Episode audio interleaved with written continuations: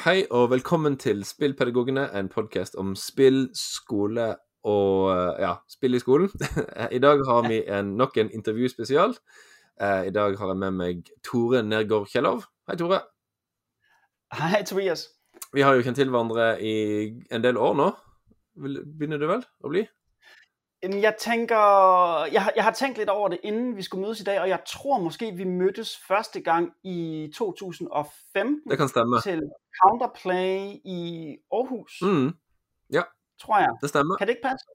Jo, og siden da så har vi jo hatt litt sånn perifere kontakt. Eh, vikarierende eller ikke, jevnt og trutt. Um, men du, ja, eh, så du er her gjest i dag. Eh, du må fortelle litt om deg sjøl aller først.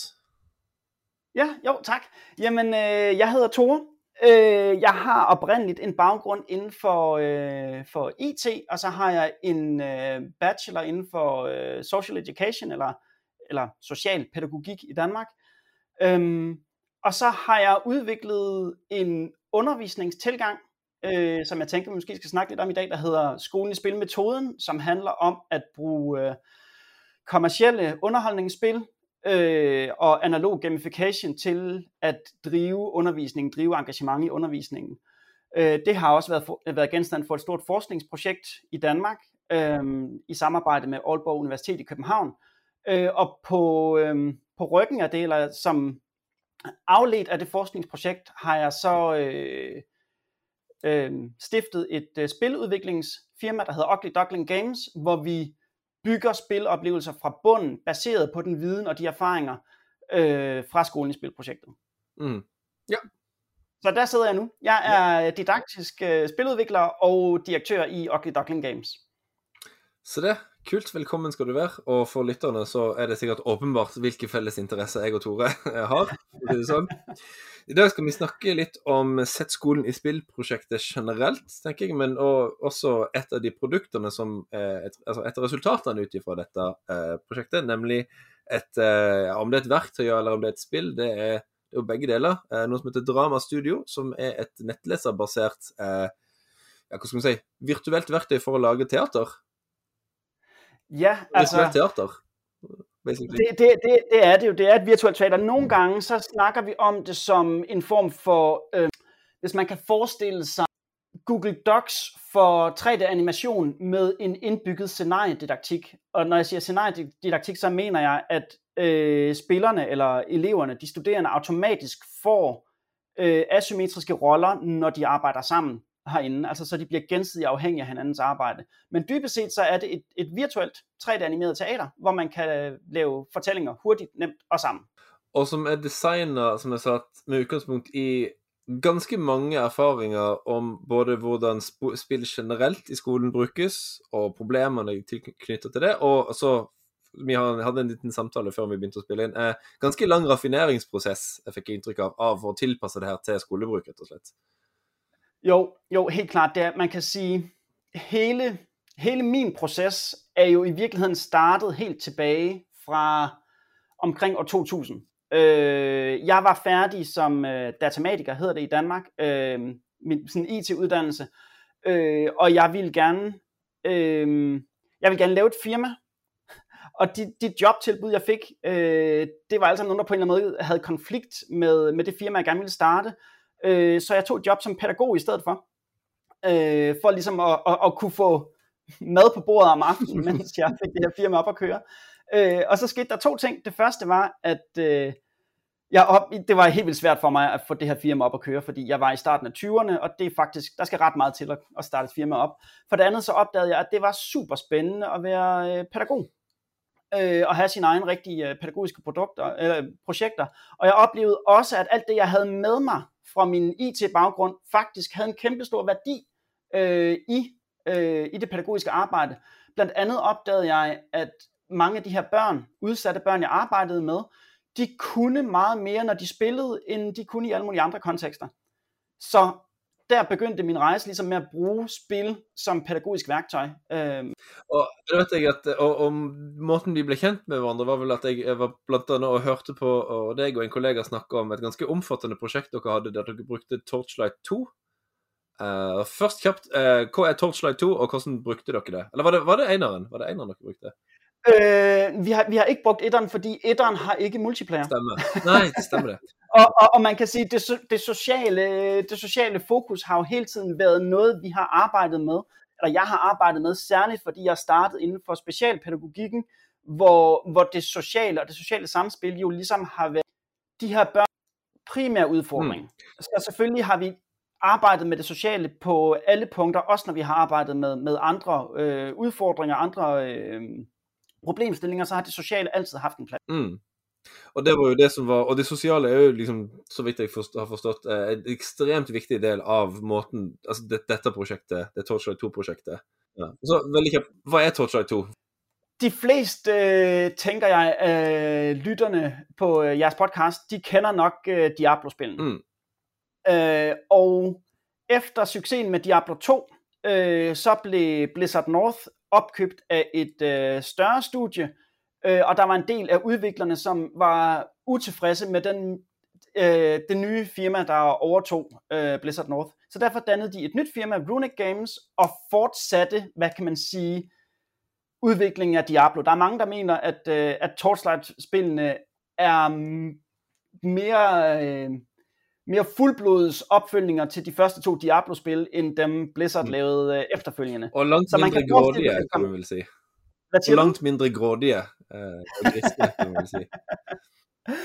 ja, øh, og, så det er uh, multiplayer action rollespil. Øh, og noget af det, der gjorde Torchlight-spillene øh, virkelig interessant i den her kontekst, det var, at, at man kan sige, spildynamikkerne, spildesignet er i virkeligheden lavet til at adressere voksne. Men fordi Runic Games var et nyt lille indie firma, så havde de slet ikke de samme ressourcer til for eksempel at lave øh, grafik.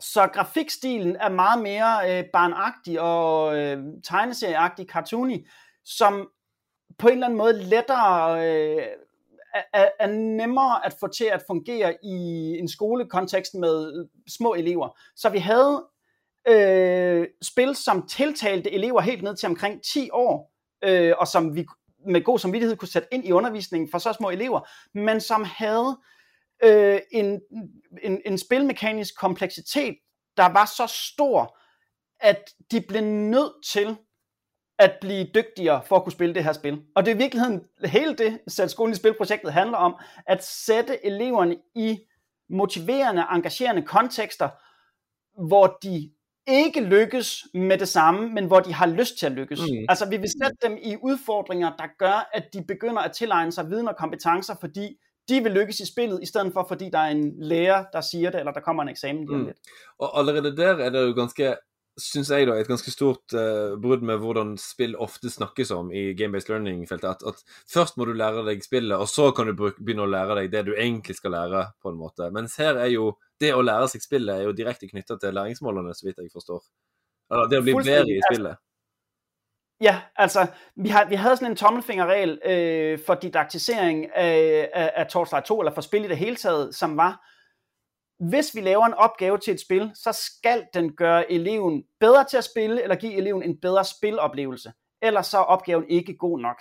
Fordi det er ligesom, det, det, det, det, det vi har brugt spillene til, altså at skabe en meningsgivende kontekst for de ting, som eleverne alligevel skal lære. Altså, så, så den store og svære øvelse i det her er jo i virkeligheden at, at aligne, øhm, eller hvad skal man sige, øh, finde den røde tråd mellem spillets udfordringer og fagets udfordringer. Fordi når, først når de to øh, matcher, så kan, du, så, så kan du lave den her øh, transfer af motivationen fra spillet, som vi jo sikkert alle sammen har oplevet, mange elever synes er virkelig fedt, over i undervisningen. Fordi så bliver det relevant for eleverne at lære de her ting, mere end det er relevante for os, at eleverne lærer dem. To av mine favoritt... Jeg sa tidligere til deg før vi begynte at ta opp, at et av mine favorittbegreper er nettopp didaktisering. Eh, og jeg har et annet favorittbegrep eh, introdusert av en så vidt jeg vet, av en norsk forsker som heter Vigdis Vansnes, og det er didaktisk dissonans. Som betyr ja. akkurat det du, tror, det du tror det betyr. Altså når det er en dissonans mellom spillet sitt prosjekt og læreren sitt prosjekt. Yeah. Kan du fortelle litt om, om eh, hva didaktisering, dine erfaringer med didaktisering av dataspill, eh, og gjerne knytta til lærere som nødvendigvis ikke har så mye spillerfaring? Ja, altså det, er jo, det kan være en vældig besværlig proces, så det jeg selv gør, det jeg selv har gjort, er typisk, at jeg har sat mig ned og spillet spillene selv. Og så har jeg forsøgt at holde et, et hvad skal man sige, sådan et metaperspektiv på mig selv, forsøge at holde øje med, hvad er det, jeg laver. Og der, hvor det bliver rigtig interessant i en undervisningskontekst, det er der, hvor jeg forlader, forlader spilrammen, og opdager, at jeg har startet et øh, spreadsheet og begynder at øh, regne ting ud, eller jeg er begyndt at søge informationer på et eller andet øh, website, eller i nogle videoer, eller noget andet. Altså der, hvor jeg begynder at lave det, jeg kalder metaspil, altså hvor, hvor spiloplevelsen rykker ud af spillet, og, og øhm, ud i den virkelige verden, hvor jeg for at mestre spillet begynder at tilegne mig kompetencer, fordi der kan jeg meget lettere sætte fingeren på, hvad er det for nogle kompetencer og færdigheder, som det her spil, den her spiloplevelse rent faktisk kræver. Mm.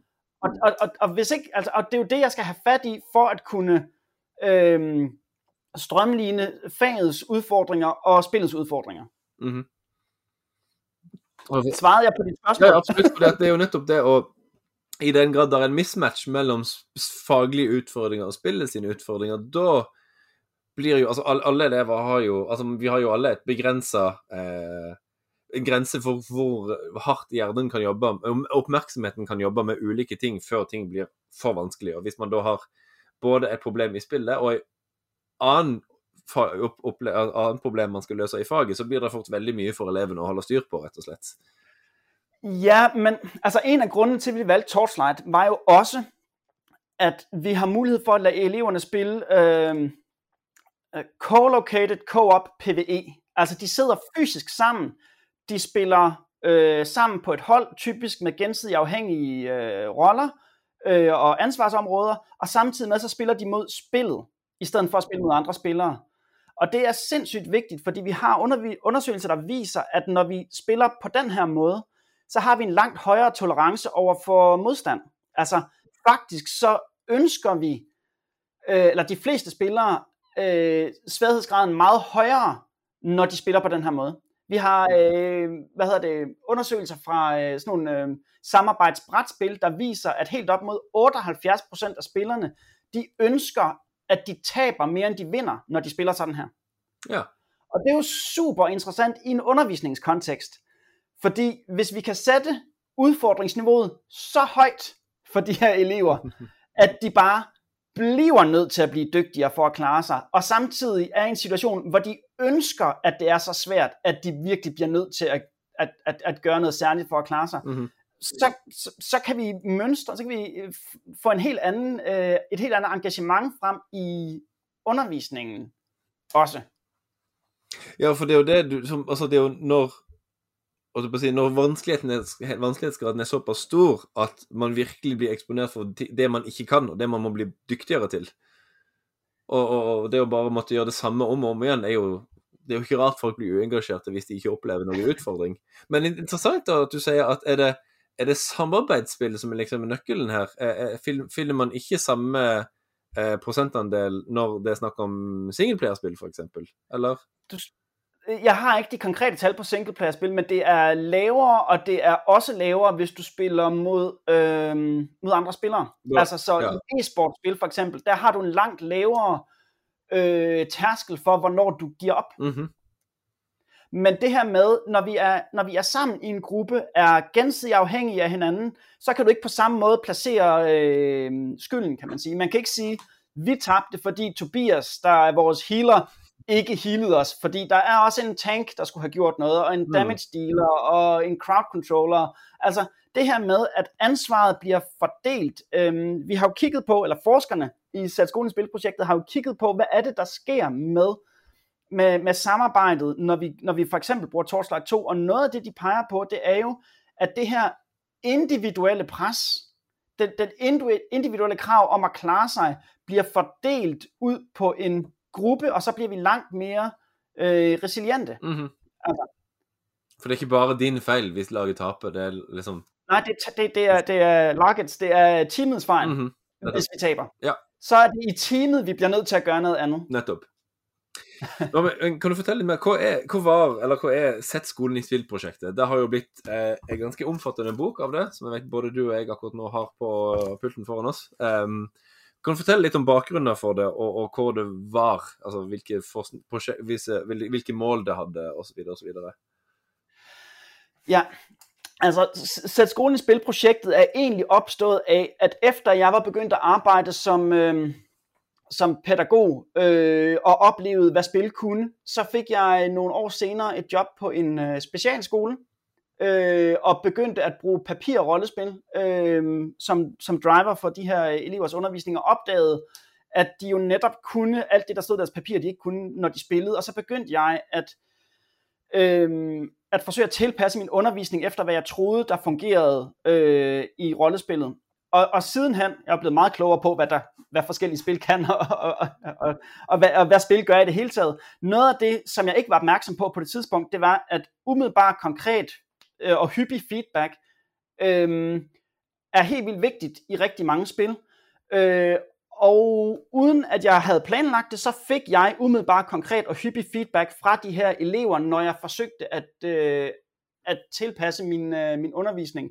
Fordi det var en specialskole med meget udfordrede børn, øh, og hvis den undervisning, jeg lavede, ikke fungerede, jamen så gjorde de det, de plejede at gøre i en skolekontekst, så hoppede de ud af et vindue, eller kastede med en stol, eller kunne finde på at spytte på mig. Men når det, jeg gjorde, det virkede, så vidste jeg det øjeblikkeligt. For så havde jeg deres opmærksomhed, og så havde de et engagement, og så kunne vi drive det her.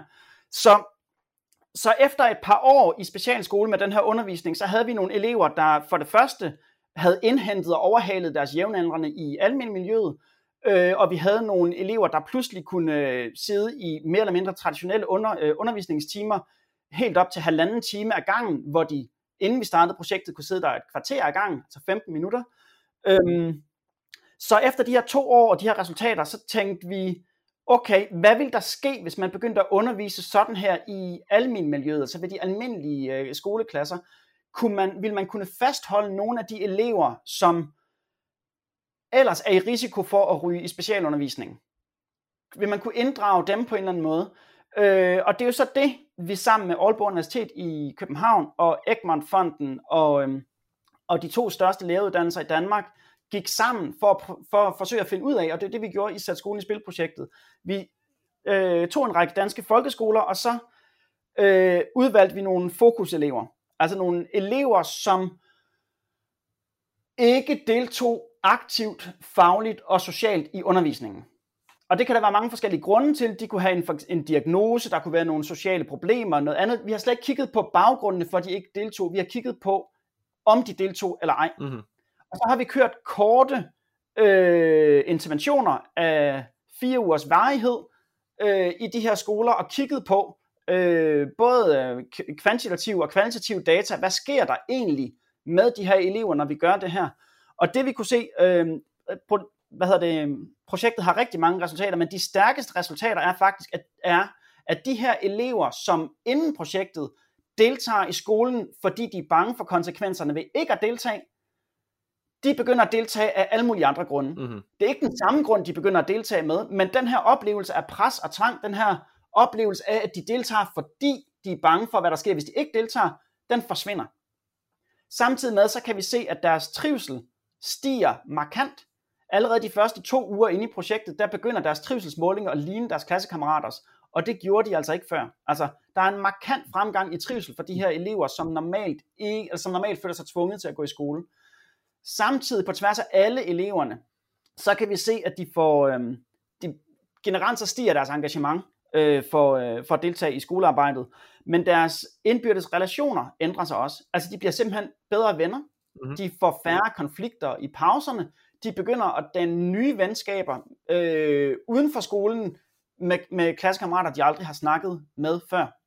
Øh, og så endelig et af mine absolut yndlingsresultater, øh, det er, at øh, der er ikke nogen forskel på køn. Nej. Det skulle man hvis, der er en forskel, hvis, hvis, hvis der er en forskel på køn, så er den faktisk den, at pigerne er mere positive over for den her måde at undervise på, end drengene er. Hmm. Og det synes jeg, en af grunden til, at jeg synes, det er et af mine yndlingsresultater, det er, at al den tid, altså på det her tidspunkt, der har jeg arbejdet med spil i pædagogikken i, hvad, 15 år eller sådan et eller andet, al den tid har jeg fået spørgsmålet, men hvad så med pigerne? Mhm. Og al den tid har jeg sagt, hvad så med pigerne? Jeg kan ikke se nogen forskel. Men det viste sig, at der var en forskel, for pigerne var mere positive over for den her måde at undervise på, end, end drengene. Og vi har selvfølgelig også kigget på, hvad, hvad er det, der gør det? Altså, hvorfor synes de, det her det er federe? Og, og, og forskernes bud på det er, at de simpelthen bliver positivt overrasket. Ja, nettopp. Vi for- altså fordi- noen negative forventninger, rett og slett. Jamen, fordi vi som samfund, øh, de spiloplevelser, vi tilbyder pigerne, er en særlig type. Mhm. Det er singleplayer-spil, det er puzzlespil, øh, og der er ikke noget galt med de oplevelser. Men de spiloplevelser, vi kalder drenge og, øh, drengespil, er typisk sådan noget, der involverer øh, en masse kommunikation og samarbejde, øh, som, det, det ved jeg ikke, om det kommer som overraskelse, øh, overraskelse for nogen, det er der faktisk også rigtig mange piger, der synes er rigtig spændende, men det optræder ikke rigtigt i pigespillene, så når vi tager de her klassiske drengespil og sætter dem ind i undervisningen, så har vi en hel gruppe af piger, som pludselig opdager, hov, den her type spiloplevelse er også for mig. Og det er spændende. Jeg har lest i uh, Shira Chess, tror jeg hun heter, som har skrevet Ready Player 2? Hun skriver Ja. inn på det at, at uh, jenter er det eneste som opplever at uh, kjønnet deres blir behandla som en kategori av spill. Girl games. Altså, mens Ja. gutter har et bredt utvalg av spill som blir uh, markedsført til dem. Men som du sier, at uh, alle kan jo potensielt like alle typer spill. Præcis, og jeg synes jo faktisk, det kunne være rigtig spændende at prøve at lave et lignende projekt med quote-unquote pigespil. Mm. Øh, fordi jeg har en formodning om, at der er rigtig mange drenge, som vil opleve, at den her type spiloplevelser er fede for dem, men som de faktisk ikke øh, har engageret sig i, fordi de er brandet som pigespil eller, eller, mm. eller pigeoplevelser. Ja. Men, men det har jeg ikke noget belæg for at sige, det, men det tror jeg, det er sådan. Jeg altså, har det, en det, hypotese om, at det er sådan. det sier jo mer om hvordan de er markedsført enn innholdet, tenker jeg. Og det sier jeg som noen som har sittet og, i ungdommen satt og spilte Sims 2 til klokka ni om morgenen. Så ja. Um, men jeg er veldig nysgjerrig på jeg, jeg, Altså, en, en gjennomsnittlig person, uavhengig av bakgrunn av, innenfor skolen eller akademia eller ei, ville vil sagt Yes!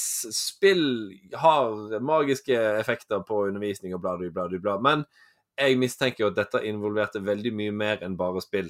Eller, men veldig mange institusjonelle og pedagogiske og sosiale og kulturelle faktorer også.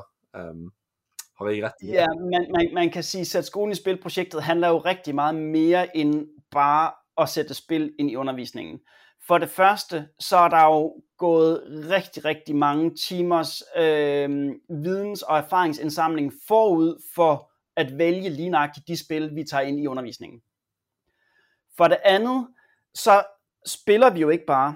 Vi bruger også meget energi på at lave det her, vi kalder portalopgaver. De opgaver, der ligesom, som vi snakkede om før, kan strømligne øh, spillets udfordringer med fagets udfordringer. Altså, så vi har sådan en vekselvirkning, hvor vi spiller, laver en portalopgave, der ligesom kan danne en, en portal eller en sammenhængskraft mellem faget og, øh, og spillet. Og så laver vi faktisk forholdsvis traditionelt skolearbejde i, hvad skal man sige, inden for det fagområde, som vi har, nu har dannet en, en, en forbindelse til spillet med. Mhm. Øhm, og udover det her, sådan game loop kan man kalde det, med spil, portalopgave, traditionel undervisning, så har vi også en gamificering af hele klasserummet, øh, hvor læreren er game master, og øh, eleverne, de studerende, er medspillere og meddesignere af deres egen klasserumsoplevelse. Øh, og vi gamificerer også, hvad hedder det, den, den, den faglige progression, så både elever og lærere får langt større, øh, hvad skal man sige, øh, niveau og detaljegrad af feedback på, hvad laver, hvad for nogle elever, hvor langt er de kommet, hvem har brug for hjælp, hvor er de henne i forhold til deres eget individuelle øh, niveau. Altså fordi, jeg tænker, der er mange, der sidder her og tænker, hvis vi begynder at gamificere, øh, hvad skal man sige, den, den, den faglige undervisning, risikerer vi så ikke på en eller anden måde at udstille elevernes øh, forskellige sta- faglige standpunkter og sådan noget. Men det vi jo gør, er, at, at selvfølgelig måler vi selvfølgelig indsamler vi noget feedback, men vi gør det på elevernes individuelle, relative, øh, hvad hedder det, progression. Det vil sige, alt, alt, alt, alt øh, progressionsfeedback handler om elevernes fremdrift i forhold til lærerens forventninger til den elev. Så, så hvis der er mig, Tobias, hvis, hvis vi er, er matematik, øh, vi har matematik, og du er meget, meget dygtigere til matematik, end jeg er, så kan jeg i princippet sagtens øh, fylde min progress bare ud og nå min 100% eller 120 eller hvad det er, lang tid før dig, selvom du laver meget mere, fordi det handler om min progression. Mm-hmm. Ikke, ikke hvor meget vi har lavet i absolutter. Mm-hmm. Øhm, ikke nogle leaderboards eller sådan ting, som man gerne forbinder med gamification for eksempel? Eller? Altså, vi har nogle progress bars, øh, hvis vi snakker om den faglige øh, gamification, så har vi typisk nogle progress bars, hvor vi kan se elevernes progression, men det er jo en individuel relativ progression, og mm. den feedback skal jo bruges til, at læreren som game master kan sørge for, at alle kommer igennem i cirka samme tempo. Mm. Altså, det, jo, det er jo en feedback til eleverne, men det er jo, øh, men det er jo primært en feedback, eleverne giver til lærerne, ja. når de flytter deres navn på en progress bar. Hvis, hvis jeg ikke har fået flyttet, øh, hvis jeg ikke har fået flyttet mit, mit navn på den her progress bar, vi har hængende på væggen, så er det en, en rød lampe for læreren, der skal sige, okay, Tore, han har faktisk brug for hjælp. Mm-hmm. Altså, så, så, så mange af de her feedback-systemer, vi, vi laver med gamification i klasserummet, handler jo, det er jo på overfladen i hvert fald feedback til eleverne, men det er jo primært feedback for lærerne, for det er jo lærernes ansvar at sørge for at få hjulpet eleverne igennem, og hvis de hele tiden har et overblik over, hvor er de forskellige elever, så er det nemmere for dem at gribe ind der, hvor de har brug for at gribe ind, når det skal være. På den samme måde, så har vi også gamificeret det sociale rum i Sæt skolen i spilprojektet, hvor vi laver nogle, hvor vi ligesom øh, gør de sociale spilleregler, der i forvejen eksisterer i klasserummet, til, til, til faktiske spilleregler, hvor vi giver point, og vi har en virtuel økonomi, vi kan købe nogle ting og sådan noget. Og der er det jo også på overfladen i hvert fald et, øh, et, et øh, spil og, og en feedback til eleverne, men først og fremmest er det en systematisering og en tydeliggørelse af, af lærerens handlinger og ageren i klasserummet.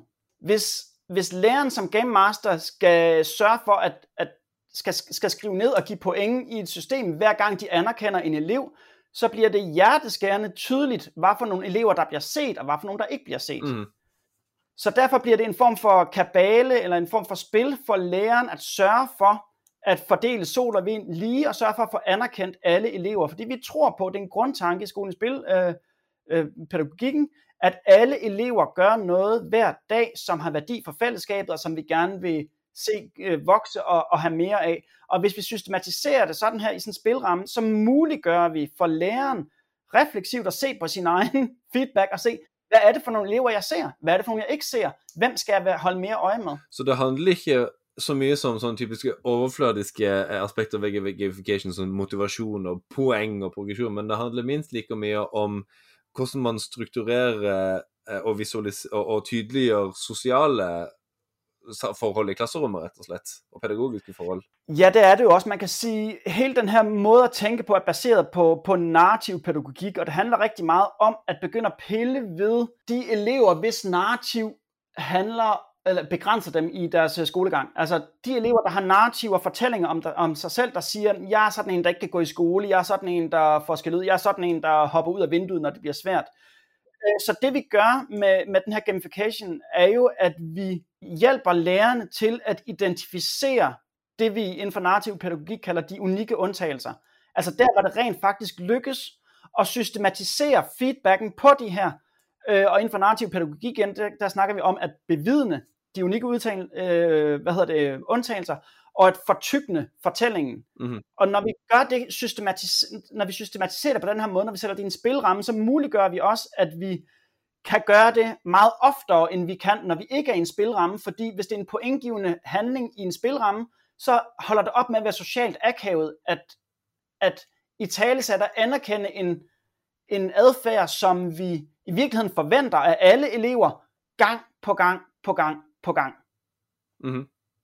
Så, så, så det er det er en gamificering, men det er ikke det er en gamificering uden reel konkurrence. Altså, det er en, en det bliver en form for pseudospil for eleverne, og så bliver det en form for kabalespil for lærerne, hvor de får øh, indblik i deres egen biases. Mm-hmm. Så det er et feedback-system vel så mye til læreren som til, til eleven? Det er, det er faktisk mere til, til lærerne, vil jeg mene, end det er til, øhm, mm. til eleverne. Men har du, eh, har du et eksempel på en av disse her fire ukes eh, intervensjonene? Altså rent, rent uh, praktisk, hvordan tar, foregår det, og hvordan samarbeider det med lærerne og den slags type? Jamen, um, eller, eller hva slags spill? Er det i stort sett analoge spill, digitale spill? Altså i forskningsprojektet, der har vi brugt digitale spil. Og det er ikke fordi, vi tænker, at digitale spil kan noget særligt i forhold til analoge spil. Det er udelukkende et spørgsmål om effektivitet. Mm-hmm. Det er meget nemmere at facilitere en, en øh, hvad hedder det, engagerende og immersive spiloplevelse for 30 elever på én gang, hvis det er et digitalt spil, end hvis det er analoge spil. Mm-hmm. Øh, og i forskningsprojektet, der har vi primært brugt Torchlight 2. Så den måde, det typisk ville foregå på, var, at øh, den første dag, eleverne går i gang, der spiller de næsten kun. Altså, de spiller tre timer i streg. Mm. Og det handler om, at, øhm, at de skal nå så langt i deres spiloplevelse, at de bliver grebet af det. Det handler om, at de skal nå at opleve, at det her det er udfordrende, men hvis vi gør en indsats, så kan vi rent faktisk klare det. Og alle elever i forskningsprojektet har spillet, øh, helt ned fra 3. klasse, har spillet på, øhm, altså i, i, i co-op, altså samarbejdsindstilling, øh, hvor de har spillet fire sammen, øh, på den aller, aller sværeste sværhedsgrad, som spillet har kunne tilbyde. Ja. Helt ned fra 3. klasse. Mm. Og det betyder simpelthen, at de allerede fra allerførste bane i spillet har oplevet, at hvis ikke de samarbejder, så dør de. Så vi spiller de her tre timer, og så har vi en refleksion bagefter, hvor vi begynder at, øh, hvor vi tilbyder eleverne at komme på banen med i virkeligheden og begynder at didaktisere spillet selv. Hvor vi snakker med eleverne om, øh, vi har sådan tre begreber, vi bruger til at strukturere de her øh, refleksioner. Øh, vi kalder det WALT, WOLF og TMB. Det står for uh, We are learning to, We are looking for, og This matters because. Mm-hmm. Og det handler simpelthen om at få eleverne til selv at begynde at, at identificere, at i, vi starter altid med We are learning to. Hvad er det egentlig, der er svært i det her spil? Hvad er det for noget, man skal være dygtig til, for at kunne spille det her spil? Øh, og når vi ligesom har, har, har styr på det, vi har fået eleverne til at sætte en masse ord på, hvad er det, vi skal kunne, de starter typisk med at sige engelsk. Øh, og det er ikke, fordi det er forkert, øh, men, det, de op, men, men, men når vi starter den her refleksion, så er det typisk den første gang, de har set mig og mødt det her system, og de svarer det, de tror, en lærer vil høre. Mm-hmm. Ja. Så de svarer med et fag fra deres øh, curriculum, fra deres øh, schema, som de kender. Når vi så får snakket os lidt mere ind på det, så begynder de at kigge på mere, hvad skal man sige, øh, bløde kompetencer. Så begyndte jeg at snakke om samarbejde og kommunikation og hjælpe og spørge om hjælp. Øh, sådan nogle ting typisk. Og når vi så har fået den her liste over alle de ting, de øver sig på, alle de ting, man skal være dygtig til for at spille, så går vi videre og kigger på, øh, men hvordan kan vi så se, hvis vi bliver dygtigere på det? Igen i spilrammen, så kigger vi på we, we are looking for. Hvordan kan vi se, at vi bliver dygtigere til at hjælpe hinanden? Hvordan, hvad for nogle ting kan vi holde øje med for at se, om vi bliver dygtigere til at samarbejde? Hvordan kan vi se, at vi bliver dygtigere til engelsk for eksempel? Fordi det siger, har de næsten alle sammen sagt. Mm. Øhm, og så får vi sat nogle ord på, som de selv ligesom kan pejle efter, så de selv får en fornemmelse af, flytter vi os rent faktisk, er der en progression her? Og endelig, det er ikke altid, vi starter med det den første dag, det kommer lidt an på, hvor gamle eleverne er, deres refleksionsniveau, så snakker vi om den her this matters because, altså hvor, i hvert fald nogle andre kontekster, at de her kompetencer, I arbejder på, mens I spiller, relevante. Mm-hmm. For eksempel samarbejde, eller kommunikation, eller problemløsning, eller hvad det er for nogle ting, de tager frem. Så snakker vi om, hvad er det for nogle kontekster, det også bliver relevant. Og det handler om at begynde at få dem til at tænke over noget transfer. Altså, hvordan er det, jeg kan øve mig på samarbejde, for eksempel når vi spiller Torchlight 2, og få det til at gøre en forskel, når vi laver, øh, når vi spiller fodbold, eller når vi løser øh, skoleopgaver. Mm-hmm. Når vi så har haft en refleksion, så går vi typisk øh, ind i et fag, dansk eller matematik, fordi det var de to fag, vi havde fat i i forskningsprojektet, og så starter vi med at lave en portalopgave.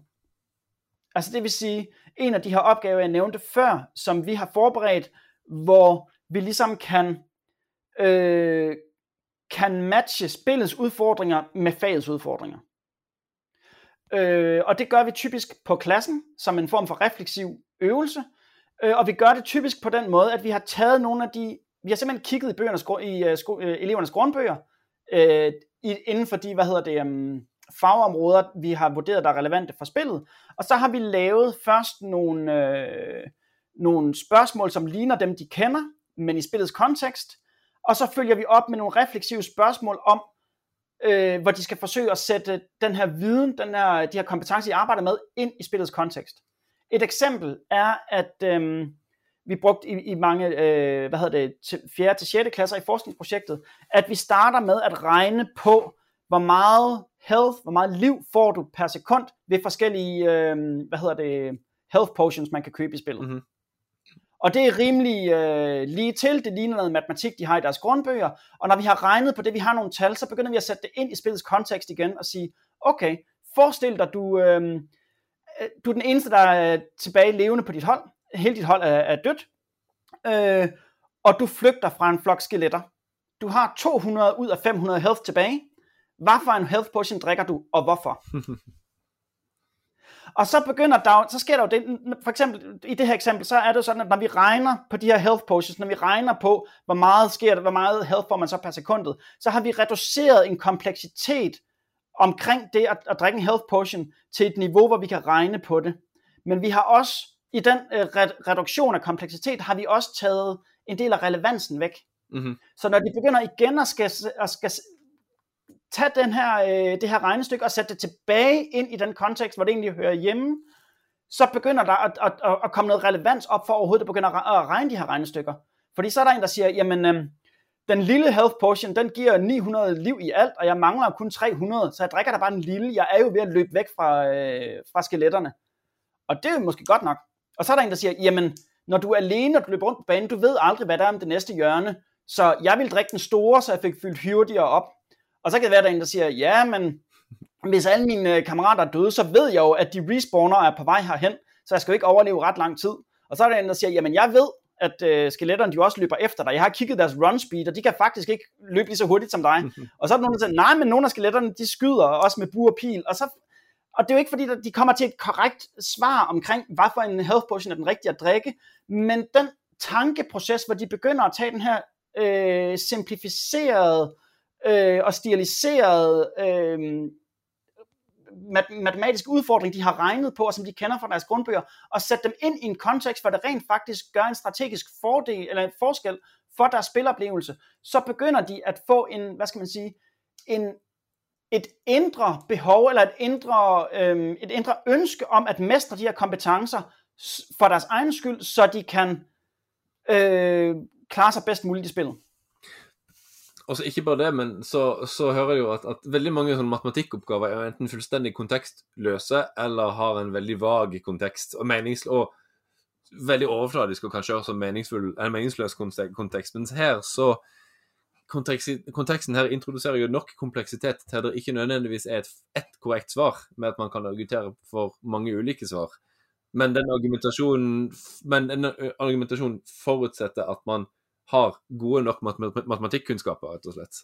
Jamen, det er, det er helt rigtigt set. Altså, og det er jo det noget af det, vi har oplevet, øh, ikke bare i forskningsprojektet, men når vi har lavet de her, øh, når vi har implementeret skolens spil, øh, tankegangen og metoden andre steder, er jo også, at for eksempel i matematikfaget, at eleverne får en oplevelse lige pludselig af, at matematik rent faktisk kan bruges til noget uden for det der klasselokale, og uden for de der bøger, de kender. Altså, jeg har haft elever, som har i løbet af ganske få uger fået en forståelse for, at matematik faktisk er et sprog om verden, øh, og det kan bruges til at beskrive øh, og forstå verden på en måde, som de ikke var klar over før.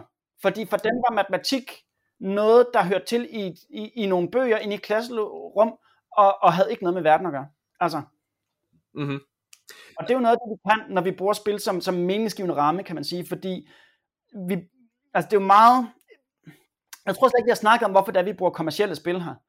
Øh, men, men, men grunden til, at vi ikke bruger, hvad hedder det, øh, spil, der sådan træner en specifik færdighed, der er lavet til undervisningsformål, øh, det er jo fordi, vi er jo ikke interesseret, altså når vi underviser på den her måde, så er vi ikke interesseret i, at eleverne nødvendigvis sidder og, og regner og skriver tekster, når de spiller. De skal have en motiverende, engagerende kontekst, hvor det, der handler om at regne og skrive og forstå tekster, bliver meningsfyldt. Altså, og bliver meningsfyldt lige foran næsen på dem, ikke om fem år, når de skal til en eksamen, eller de måske skal ud og have et job, eller et eller andet. En kontekst lige foran næsen for dem, som de er engageret. Mm. Og så er jo veldig mange sånne her læringsspill er jo designet med en veldig, et veldig spesifikt Selv om de gjerne er litt tause om dette, her, så er det jo designet med et veldig spesifikt syn på hva læring og undervisning er for noe. Og de ser jo gjerne Ja. på læring Altså, man skulle tro at de er designet med den antakelsen at læring det er å ha skapt et produkt, eller ha lykkes med en oppgave. Lykkes du med en oppgave, så har du lært noe. Mens jeg eksempel, og mange andre ser på læring som en endring i måten du forholder deg til verden på. Ja. Og det forutsetter jo et helt annet didaktisk design. Hvis man Altså, det didaktiske, designet du, man lager, vil jo være en, nød- nødvendigvis være en følge av det, ditt pedagogiske og teoretiske utgangspunkt, tenker jeg. naturligvis. Øhm, vi havde faktisk, da vi startede det her op, så havde vi faktisk lidt en udfordring, når vi tog spillene ud i, øh, i de almindelige folkeskoleklasser, fordi mange lærere var vant til, at spil i undervisningen var en erstatning for læreren. Ja, ikke sant? Så når vi satte et spil på, så havde de lynhurtigt ryggen til eleverne og var på vej ud for at hente en kop kaffe eller tage nogle kopier eller et eller andet. Og, og det tog faktisk, øh, det var faktisk en, en opgave i at få dem til at forstå, at du er næsten mere på arbejde, når eleverne spiller, end når de ikke gør. Mhm.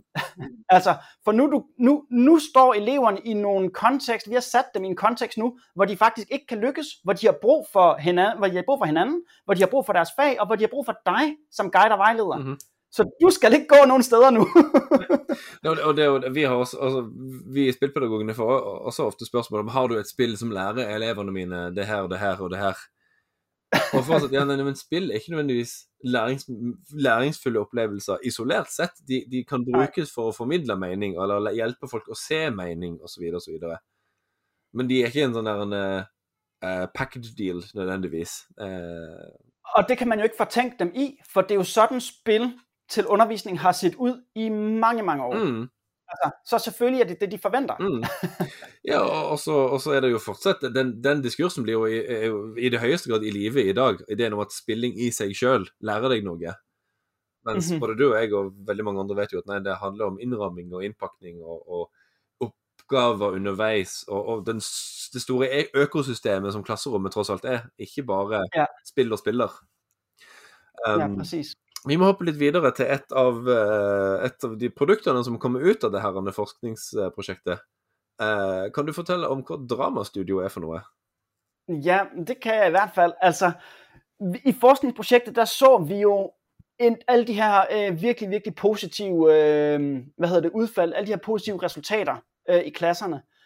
Vi kunne desværre også se, at når vi forlod skolerne med vores forskningsprojekt, så var der alt for mange lærere, der vendte tilbage til, en, til deres, den måde, de havde undervist før. Til trods, til trods for, at de havde set alle de her ændringer. Mhm. Det er en, det er en Eh. svensk eh, forsker som du sikkert har lest litt av, Bjørn Berg Marklund. Eh, han sier at eh, når forskere er til stede i et klasserom, så hever de det, taket på den tekniske kompetansen som er til stede. Når Ja. man da forlater å ta med seg prosjektet sitt, så forsvinner jo den på kompetansen. Eh, så det er jo Ja. et problem for mange lærere, nettopp det. Eh, at, at Så sammen med forskerne, efter, efter, efter vi havde set det her, så øh, sammen med forskerne, det var for øvrigt øh, Torkild Hanghøj og Andreas Liberoth, dem tænker jeg også, du kender. Øhm, der kiggede vi på, hvad er det for nogle barriere, lærerne løber ind i? Hvad er det, der stopper dem? Mm. Og vi fik defineret tre primære stopklodser, tre primære barriere, som stopper øh, lærerne. Øhm, det første, det er, at de har svært ved at didaktisere de øh, kommercielle spiltitler. Ja. Altså, der, er, der var mange, i forskningsprojektet havde vi med vilje valgt øh, lærere, som ikke havde, øh, som ikke var spildannet i forvejen, som ikke havde særlig kendskab til spil, for vi ville vide, om det her det rent faktisk kunne fungere uden en særlig spillærer. Og det vi se, så var, at lærerne havde ikke stort nok øh, kendskab til spil, spilmekanismer, spildynamikker. De havde simpelthen ikke nok øh, game literacy til at didaktisere de her spil. Mhm. Den anden udfordring, det var, at de her kommercielle øh, spiltitler, de er jo alle sammen lavet til at fastholde spilleren så lang tid som overhovedet muligt. Fordi det er det, man tjener penge på som kommerciel spiludvikler. Og det blev en kæmpe udfordring for lærerne i deres forberedelse, når de skulle prøve nye spil, de skulle øh, prøve at didaktisere. Det blev faktisk også en stor øh, udfordring i klasserummet, fordi vi nogle gange havde elever og klasser, der skulle bruge øh, to, tre, fire lektioner for at spille sig så langt igennem en tutorial eller et spil, før vi kom til de udfordringer, som rent faktisk var interessante i forhold til undervisningen. Og det er jo ganske lang tid når man har Altså lærere har jo veldig dårlig tid, og, og to-tre timer er jo en luksus. Det har de. De har meget dårlig tid, både i forberedelsen og i klasselokalet. Sådan er det i hvert fald i Danmark. Så, så det er en reel udfordring. Det er ikke fordi, jeg synes, at, at, at lærerne piver her. Det er en reel udfordring, som skal løses. Og endelig så var der den teknologiske udfordring, fordi øhm, nu har jeg, som jeg sagde fra starten, øh, ud over min pædagogiske baggrund, også en baggrund inden for, øh, for IT og teknik. Og jeg kunne få de her ting til at fungere, da jeg stod der selv. Og i forskningsprojektet havde jeg kufferter fyldt med netværksudstyr øh, og selvfølgelig en masse ekspertise med ud til samtlige skoler for at kunne få de her multiplayer øh, setups med komplekse spil til at fungere i klasselokalerne. Mm-hmm. Og det kan man for det første ikke øh, forvente tidsmæssigt, men heller ikke nødvendigvis kompetencemæssigt af lærerne. De er uddannet til noget andet. Øh, så, så vi havde de her fantastiske resultater, alle de her ting, vi kunne, og vi havde nogle stopklodser, som bare gjorde, at det ikke skete. Øh, og så var det, jeg fusionerede mit, øh, mit konsulentfirma Skolen i Spil med to spiludviklingsvirksomheder, Gamecraft og øh, Rattetos Games, og så dannede vi Ugly Duckling Games, og så er vi begyndt at lave spiloplevelser fra bunden, der adresserer de her tre barriere. Altså vi laver spil, der for det første er tættere på lærernes eksisterende øh, faglighed, så de kan didaktisere dem. Vi laver spil, der er mere øh, sådan sandkassespil øh, værktøjer, end det er narrative fortællinger. Så man kan tænke det som spil som øh, Minecraft i Creative Mode, eller når folk sidder i Sims og bygger øh, huse og laver fortællinger, eller laver, laver figurer, familier, uden nødvendigvis at spille spillet. Øh, der er mange gacha-spil øh, fra Japan, der bliver brugt på samme måde. Så det, man skal mere tænke det som, som en form for spilbaseret værktøj, eller en sandkasse i virkeligheden.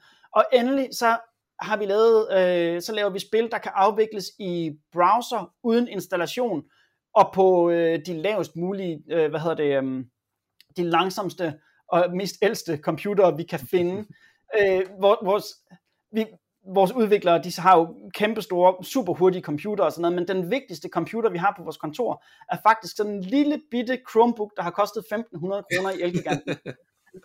ja. Fordi, fordi hver gang vi har lavet et build, så skal det kunne køre på den der Chromebook. Og hvis ikke det kan køre på den Chromebook, så bliver vi nødt til at lave noget om. Så er der noget, der skal optimeres, så er der noget, der skal... Altså, det er simpelthen target. Mm-hmm. Det hjælper ikke noget, det kan køre på vores kæmpe store udviklermaskiner. Det skal kunne køre på den der Chromebook til 1.500 kroner. Ja. um, så det er den vigtigste maskine på vores kontor. Um, og vores første produkt, det hedder uh, Drama Studio, og det er en uh, multiplayer, uh, kollaborativ storytelling sandbox. Det er et, øh, et, et 3D-teater, hvor eleverne kan, øh, kan skabe øh, 3D-animerede historiefortællinger, øh, hvad hedder det, øh, dramahistorier, øh, teaterhistorier, øh, teaterforestillinger, lynhurtigt, øh, nemt, og det ser pænt ud, det kører i en browser, og så kan de gøre det sammen, men med den der gensidige afhængighed, vi også lidt har snakket om med Torchlight for eksempel, øh, hvor, hvor vi har gjort det sådan, at så snart en studerende, en elev, en spiller, begynder at redigere i et af de her rum, vi har lavet teateret. Vi har tre rum, vi, der, der er sådan primært, vi har et kostymerum, et scenografirum og et instruktionsrum. Og så snart en studerende begynder at redigere i det rum, så får han ansvaret for det rum. Mm-hmm. Så bliver det låst til ham. Øhm, de andre kan godt se, hvad der foregår, men de bliver simpelthen nødt til at, de bliver nødt til at snakke med hinanden, mm. øh, hvis der er noget, de vil have lavet om i det rum. Det betyder, at du kan få situationer, hvor der er en, der er ved at instruere en scene i, skal vi sige, uh, Romeo og Julie. øh, og så sidder der en anden, der er scenograf, og beslutter sig for, at der skal stå en kæmpe stor øh, orange øh, trafikkejle midt på scenen. Og hvis det på en eller anden måde ikke spiller overens med det, instruktøren sidder og laver lige nu, så kan han simpelthen ikke gøre noget ved det. Hvis nu du er scenograf, og jeg er instruktør, Tobias, så kan jeg ikke gøre noget ved den, øh, hvad hedder det, kejle, du har sat der selv, for det er dit ansvarsområde. Så må jeg sige, hey Tobias, Øh, jeg kan se, at du har sat en kejle midt på scenen. Den kommer lidt i vejen for, mit, øh, for det, jeg lige var i gang med at lave. Hvad er tanken med kejlen? Begrensningens pedagogikk, rett og slett. Ved å faktisk eh, nekte de muligheten til å gjøre alt, så er de jo faktisk nødt til å samarbeide. Men vi har faktisk generelt, har vi ikke bare i samarbejdet, men generelt i udviklingen har vi gjort meget for at prøve at finde det rigtige niveau af begrænsning. Fordi vi tror også på, at det er et kreativt værktøj. Mm. Vi tror også på, at kreativiteten blomstrer, når vi netop ikke kan alt. Når vi bliver nødt til at tænke ud over de, de ressourcer, vi har. Mm. Øhm, så der er, vi, vi tilføjer lidt efterhånden, efterhånden, øh, efterhånden, som vi får feedback fra lærere, der er nogle specifikke ting, de har brug for, men ellers har vi lavet et ganske basalt øh, udvalg af, af, hvad hedder det, af scenografier for eksempel, og af props, man kan sætte på scenen, og af skuespillere, man kan vælge, så man bliver nødt til at tænke ud over de her ting. Mhm. Øhm, ja. Nei, men Det som jeg synes er interessant nå, for hvis Du viste meg eh, dramastudio av ikke så lenge siden, og, og det jeg synes var interessant, var for det første um, her, altså Ofte når man lager spill for skolen, så har man jo ofte verken tid eller ressurser til å gjøre det, gjøre det skikkelig. Uh, mens her, Ja. så dette er jo for det første re resultatet av det jeg antar er en ganske lang utviklerfase, men også ganske årevis med forsknings- og klasseromsforskning, liksom. Um, det er så mange som gikk, jakter på quick fixes når det gjelder eh, spill for skolen, rett og slett. Hvorfor, Okay, det må du lige gentage. nei, hvor, hvorfor er det så altså hvorfor, ehm, så for, for så vidt jeg vet, så er dette eh, et nokså unikt prosjekt i og med at det er såpass, gjort såpass mye før det her utviklinga i det hele tatt starta.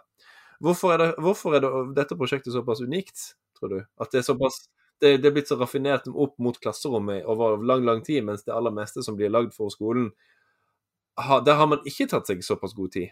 Um, er, det, er, det for, er det for dyrt for alle andre, eller hva er greia, tror du? Eller har man ikke kunnskap? Jeg, jeg, jeg, tror, jeg tror, der er flere ting i det. For det første, så er det en forholdsvis øh, ny måde, i hvert fald i spilbranchen, at tænke pædagogik på. Altså, vi, vi har, øh, vores, vores team er jo ret unikt i og med, at, at jeg har arbejdet så mange år med øh, spil og pædagogik, og mine to øh, medstiftere har arbejdet så mange, så mange år med spiludvikling.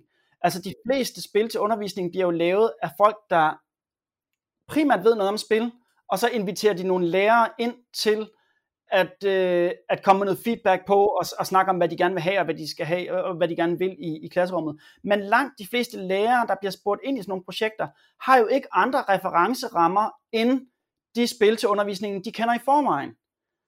Så de kommer let til at spørge om det, de kender. Som jo igen bare gen, gentager sådan en... Øhm, gentager historien, gentager de her øh, færdighedstræningsspil, øh, spil, som de kender, som er det, de kender som spil i undervisningen. Øh, og samtidig med, så har vi jo også gjort det, øh, fordi det er vældig dyrt at lave spil, og det tager vældig lang tid.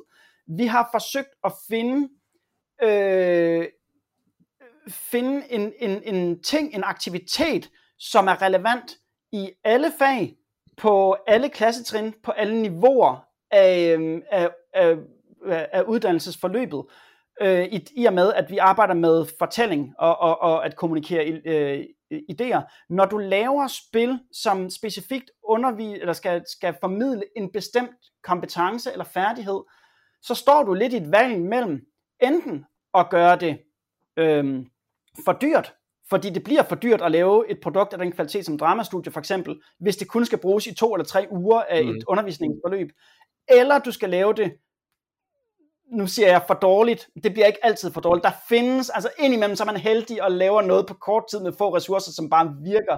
Men typisk så kræver det jo en rigtig lang øh, udviklingsproces at lave noget, der er rigtig godt. Altså, øhm, så tit så står du i virkeligheden som spiludvikler med, at man skal vælge, at vælge om at lave noget, der er for dyrt, eller noget, der er for dårligt. øh, Men jeg tror jo det som, det som det som er et, et veldig riktig valg dere gjorde tidlig i designprosessen, mistenker jeg, er at dere visste akkurat hvilken aktivitet dere ville for, forsøke å gjenskape, altså teater. Um, og, og, og teater og drama har jo blitt brukt er jo relevant i flere fag, ikke bare i norsk og dansk, men, men i andre fag også. Og, og det er jo først og fremst et verktøy som fasiliterer en viss aktivitet som er gjenkjennelig for mange lærere. I motsetning til et spill som, er, gjør, som enten glemmer fullstendig hvilken aktivitet det skaper, eller et spill som, som blir veldig ukjent og, og, fremmed for læreren. Litt sånn som du snakker om med Torchlight 2, at det blir De fleste lærere spiller ikke action-RPGs, liksom. Men de fleste lærerne vet iallfall litt om teater. Ja. Um, jo, og, og det har faktisk øh, undret os, hvor lidt øh, teater og drama faktisk øh, betyder, øh, når vi snakker med lærerne. Fordi jo, det er en faglighed, som de, som de skal arbejde med, men det bliver faktisk øh, meget hurtigt, hvad skal man sige, den øh, fortællingen, der bliver den centrale. Altså, øh, og det, at, at fordi dramastudio består af så mange flere modaliteter end bare lige tekst, så tilbyder det også øh, nogle deltagelsesmuligheder for en masse øh, elever og studerende, som normalt lidt er koblet af, når vi bare arbejder med tekst. Altså vi har for eksempel øh, eksempler øh, på øh, børn med øh, dysleksi, øh, ordblindhed, som, som pludselig, fordi deres fortællinger ikke kun er de der ord, som driller dem så meget, er alt muligt andet. Det er lys og animation og stemninger og lyde og sådan noget. Så kan de lige pludselig, så får de et sprog, et, et, et, øh, altså, så får de mulighed for at skabe noget, som, og, og for at fortælle og vi tror på, at der er en dyb øh, iboende trang til at fortælle i os alle sammen. Men så får de pludselig adgang til at fortælle på et helt andet niveau, end de er vant til, når det bare er, er ord. Mm-hmm. Og det er jo noget, man ofte glemmer. I, altså, i, i, veldig, I en del fag så privilegerer man jo de eleverne som er flinke til å skrive og flinke til å lese. Og, og man har ikke så mange, og fort går litt tom for andre arenaer de ja, f.eks. med lese- og skrivevansker kan blomstre. Så det er jo et godt fagdidaktisk poeng. Og det, og, det jo ikke, og det betyder jo ikke, at man nødvendigvis glemmer de elever, som, som er dygtige til at læse og skrive. Øh, da vi snakkede før, øh, inden, inden øh, vi begyndte at optage her, så havde jeg det her eksempel med en lærer i 6. klasse, hvor eleverne har læst en roman, og det analysearbejde, læreren sætter øh, eleverne til i dramastudio, kræver ikke, at de skriver et eneste ord. Mm-hmm. Kan ikke fortelle, læreren... du, du nevnte noen interessante eksempler for hva lærere har gjort. Kan ikke du fort, ja, fortælle gjerne videre om akkurat det der? ja, men det hun gjorde, det var, at eleverne havde læst en, en roman, og hun ville gerne have, at de skulle uh, analysere uh, to af karaktererne i, uh, i romanen. Um, og hun havde ligesom to grupper af elever, hun havde svært ved at nå med de traditionelle analyseredskaber. Hun havde de elever, som var, uh, havde svært ved at læse og skrive, og så havde hun de elever, som hun beskrev som, at de læste ordene, men de læste ikke meningen. Mm-hmm. Øh, og det hun så gjorde, det var, at øh, hun udvalgte en, øh, en, et, et, et, et lille brudstykke fra romanen, og så skrev hun 13 replikker ind fra romanen i dramastudio. Så låste hun, hvad hedder det, replikkerne, så man ikke kunne ændre i, øh, i, i manus, øh, i manuskriptet. Og så, så var elevernes opgave simpelthen at udfylde alle de tomme felter omkring de her 13 replikker. Mm-hmm. Så de skulle ikke skrive noget, men de skulle forholde sig til, øh, hvordan ser scenen ud, hvordan er lyset, hvordan er stemningen, hvordan bliver de her replikker øh, talt, hvordan siger de dem, hvordan reagerer skuespilleren eller figuren, når replikkerne bliver leveret, hvordan reagerer den skuespiller, der, øh, der bliver talt til, hvor står de henne, hvor kigger de hen, hvordan er timingen, altså hvordan er pausen imellem de her, alle de her ting, som siger noget om figurerne og deres intentioner, øh, men som i dramastudio ikke kræver nogen ord mm-hmm. at beskrive. Øh, og det hun oplevede var for det første, at eleverne blev fuldstændig optaget af det. Så hun endte med at bruge meget mere tid på det, end hun egentlig havde planlagt. Ikke fordi hun havde brug for det, men fordi det var uvandt for hende at se eleverne blive optaget af litteraturarbejde på den måde. Øh, og for det andet så oplevede hun jo, at, at alle eleverne uanset om de var stærkt skrivende eller ej, uanset om de normalt øh, var dygtige til at læse øh, mellem linjerne og, og bag ordene, øh, fik en helt anderledes dyb forståelse for, øh, for de her figurer, for romanen, og i virkeligheden fik løftet deres, øh, deres litteraturoplevelse mm-hmm. af at arbejde på den her måde. Ja, for det er jo det er sikkert noen som, hvis iallfall elever som leser litt skjønnlitteratur, eh, glemmer kanskje at de må se bak ordene og tenke sjøl finne ut av hva meninga er for noe. Og her tvang hun de faktisk Altså, spill programmet i denne måten liksom eh, eh visu, tydeliggjorde veldig at ah, her er det et lag med mening som mangler. Her er det, For du trenger mer enn bare ord ofte for å eh, fill in the blanks, så, så å si, om ja, hvordan noe blir sagt, og, og under hvilke omstendigheter noe blir sagt, osv. Du har Ja, et annet præcis. Jeg, jeg kommer selv tit til at bruge ordet tvunget, men jeg kan faktisk bedre lide at snakke om, at de bliver konfronteret Ja. med det. Ikke? Altså, de, de, de står lige pludselig over for, hvis ikke de tager stilling til de her ting, så er det et virkelig tamt teaterstykke, de kigger på. Mm, Altså, ja, så, Du nevnte også et interessant eksempel fra historieundervisninga. ja, det er faktisk et norsk eksempel. Mm. Øh, vi øh, kørte for et par år siden med en meget, meget tidlig beta-udgave. Øh, et pilotprojekt sammen med NDLA, øh, hvor det blev testet i nogle, øh, nogle, nogle norske gymnasier, og hvor der blandt andet var en historielærer i 3.G, som brugte det til, han kaldte det historisk empati, øh, og rammen var, at han havde kørt et forløb med 2. verdenskrig, og havde en oplevelse af, at øh, de studerende havde svært ved at forstå, hvordan man som den amerikanske regering kunne, øh, kunne vælge at kaste øh, en atombombe over Hiroshima, når de vidste, at det ville koste så mange øh, civile liv. Øhm, og det var ikke, fordi han ville have, at de skulle være enige i den beslutning, men han ville gerne have, at de forstod, hvordan man kunne have taget beslutningen. Hvor er man henne følelsesmæssigt? Hvad, altså, hvad er det for, en, for, en, for et sted, man er, hvis man tager den beslutning? Øh, så det han gjorde for at hjælpe dem til den forståelse, var, at han bad dem om at genskabe det møde i, i den amerikanske regering, hvor den her beslutning bliver taget. Og, og det han beskriver, det er, at de ligesom starter på et, et kognitivt niveau. De kan godt for, forestille sig, hvad de forskellige elever, eller de, for, ikke elever, hvad de forskellige politikere øh, og, og generaler og sådan noget siger. Øh, men i, drama, i, i den her øh, proces med at dramatisere, så bliver de også hele tiden konfronteret med det, der mangler, som vi snakker om før, ligesom den her 6. klasse i virkeligheden. Hvordan bliver den her øh, replik leveret? Hvordan er gestikken? Hvordan bevæger de sig? Hvordan reagerer de andre i rummet, når det her bliver sagt? Hvordan er timing? Dybest set alle de samme ting, som vi lige har snakket om med den her 6. klasse. Og i den proces oplever han så, at de går fra et, fra et kognitivt niveau til et mere, et, en mere empatisk, følelsesmæssig forståelse for de her figurer, og hvordan de har taget den her beslutning. Og ender så med øh, at have en, en forståelse for, ikke nødvendigvis de er enige, men en forståelse for, hvordan man kunne have taget den beslutning om at kaste den atombombe. Mm. Ja.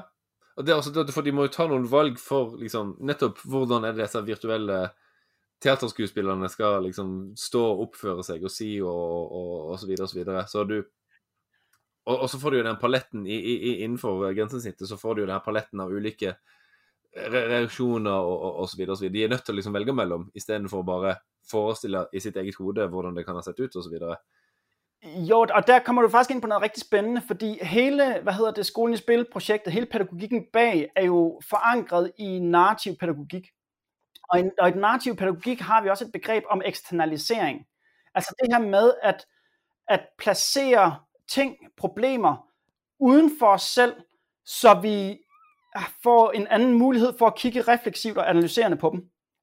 Øh, og det gør vi også, når det ikke er os selv, der er skuespillere, men vi instruerer skuespillere på en scene, så muliggør det også, at vi kan tage den her, lave den her armslængde øh, afstand til situationerne og kigge på dem på en anden måde.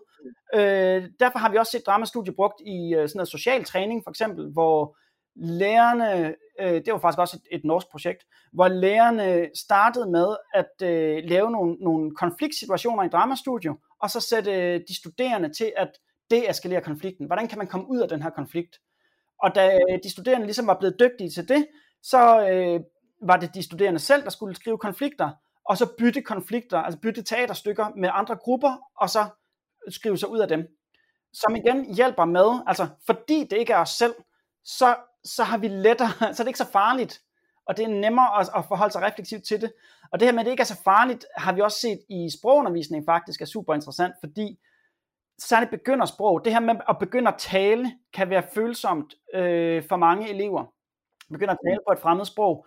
Men når du i ro og mag kan sidde og instruere en skuespiller, indtale replikkerne igen og igen, indtil du er tilfreds, og når du så afspiller det, når du præsenterer det, så er det ikke dig, der taler. Det er en skuespiller på en scene, og du kan samtidig forvrænge stemmen, du kan gøre den lysere eller mørkere, således at det er ikke dig, der taler, det er en skuespiller på en scene, og skuespilleren lyder ikke engang som dig. Mm -hmm.